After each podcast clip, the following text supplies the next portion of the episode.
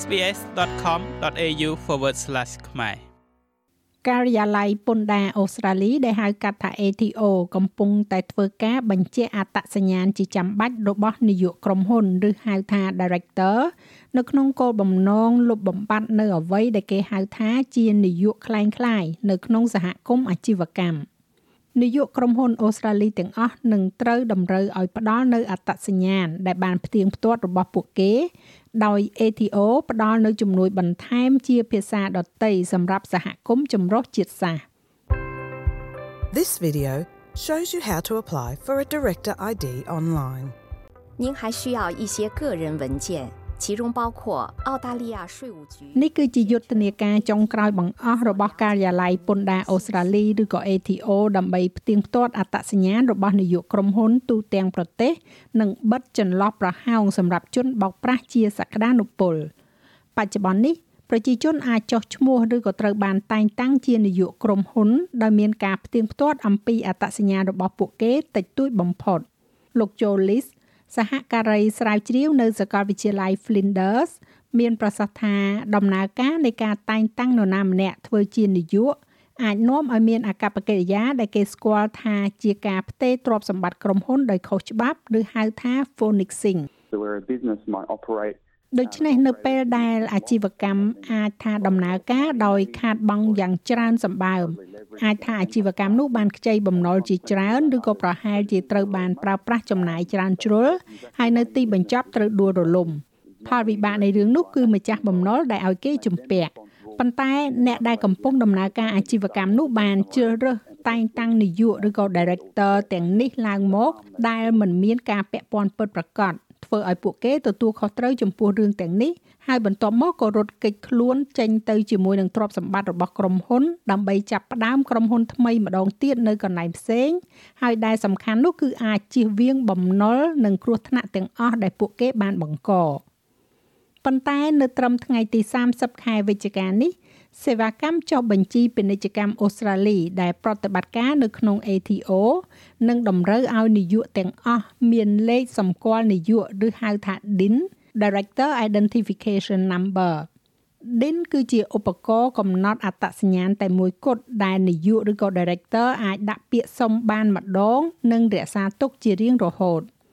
លោក Warren Day គឺជានាយកប្រតិបត្តិនៃគណៈកម្មការមូលបត្រនិងវិនិយោគអូស្ត្រាលី ដែលត្រូវបានគេស្គាល់ថាជា ASIC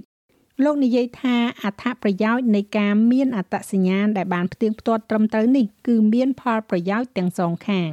That director ID is really important because លេខសម្គាល់នាយកឬក៏ Director ID ពិតជាមានសារៈសំខាន់ណាស់ ព្រោះវាមានន័យថារដ្ឋាភិបាលនិងពួកយើងនៅ ASIC និងសេវាកម្មចុះបញ្ជីពាណិជ្ជកម្មអូស្ត្រាលី និងទីភ្នាក់ងាររដ្ឋាភិបាលផ្សេងទៀត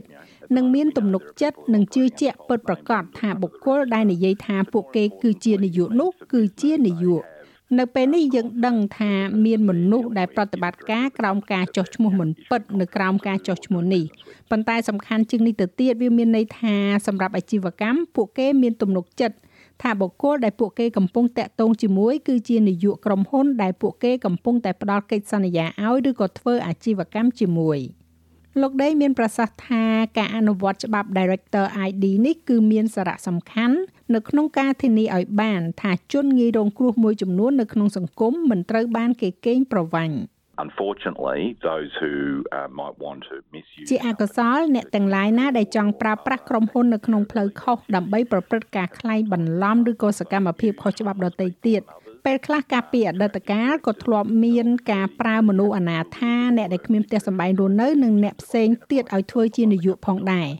ដូច្នេះអ្នកត្រូវធ្វើការងារបន្តិចបន្តួចដើម្បីទទួលបាននៅលេខសម្គាល់នាយកឬក៏ Director ID នេះ តកតងទៅនឹងការកំណត់អត្តសញ្ញាណខ្លួនអ្នកនៅលើឯកសាររដ្ឋាភិបាលផ្សេងទៀតដូច្នេះវានឹងធ្វើឲ្យពិបាកនៅក្នុងការប្រើតិចនិចបន្លំបែបនោះនៅថ្ងៃអនាគតផងដែរ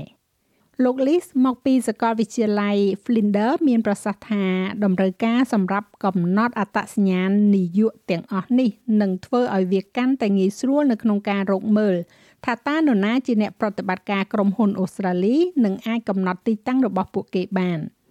លោកនិយាយទៀតថាវាមិនត្រឹមតែជានាយកក្រុមហ៊ុនឯកជនដែលត្រូវផ្ដល់អត្តសញ្ញាណប័ណ្ណដែលបានផ្ទៀងផ្ទាត់នោះទេសូម្បីតែអង្គការសប្បុរសធម៌និងអង្គការមិនស្វែងរកប្រាក់ចំណេញក៏ត្រូវតម្រូវឲ្យអនុវត្តដែរ A lot of the time, we don't realise that, that charities and ជាច្រើនលើកច្រើនសារយើងមិនដឹងរឿងនេះទេប៉ុន្តែអង្គការសប្បុរសធម៌និងអង្គការមិនស្វែងរកប្រាក់ចំណេញពិតជាប្រើប្រាស់នៅរចនាសម្ព័ន្ធសាជីវកម្មជាផ្នែកមួយនៃប្រតិបត្តិការរបស់ពួកគេ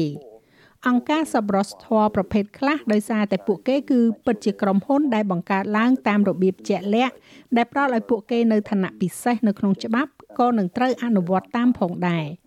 នាយកនៃអង្គការសប្បុរសធម៌នឹងត្រូវធ្វើឲ្យប្រកាសថាពួកគេអនុលោមតាមដូចគ្នាដែរចំពោះសាជីវកម្មជនជាតិដើមភាគតិច ហើយមួយចំនួននៃអង្គការទាំងនោះទទួលបាននូវការពន្យាពេលការដាក់ពាក្យនិងពេលវេលាកំណត់ដើម្បីធានា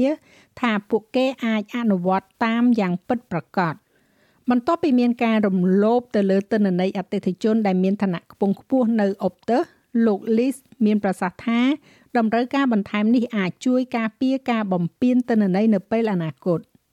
in the instance that a, co- a company does have a large volume of personal ក្នុងករណីដែលក្រុមហ៊ុនមួយមានព័ត៌មានផ្ទាល់ខ្លួនជាច្រើនហើយមានការបំពានទិន្នន័យកើតឡើងហើយគ្មាននរណាម្នាក់នៅក្នុងក្រុមហ៊ុននោះទទួលខុសត្រូវចំពោះវាទេ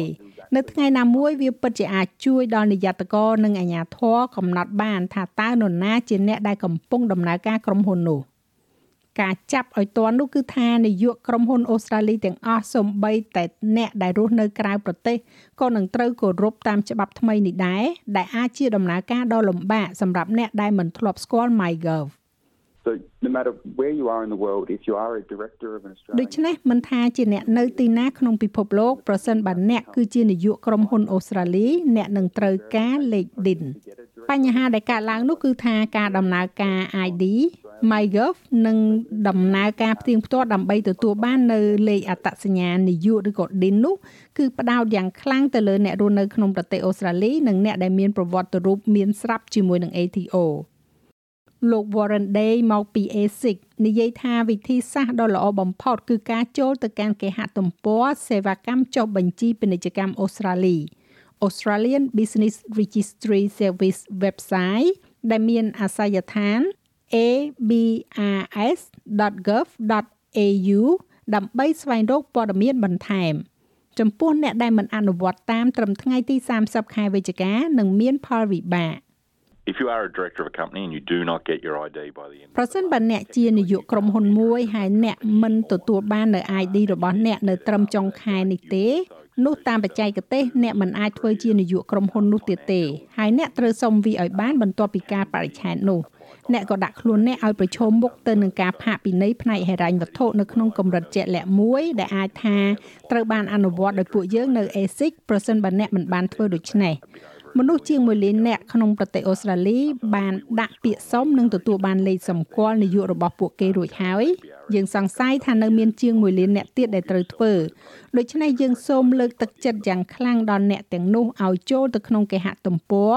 abrs.gov.au ចូលទៅធ្វើតាមដំណើរការនោះនឹងទទួលបាន Director ID នៅចុងខែនេះ ចាស់ហើយរបាយការណ៍នេះចងក្រងឡើងដោយ Tis Ochizi សម្រាប់ SBS News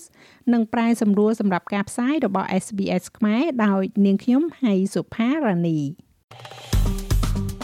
ចុច like share comment និង follow SBS ខ្មែរនៅលើ Facebook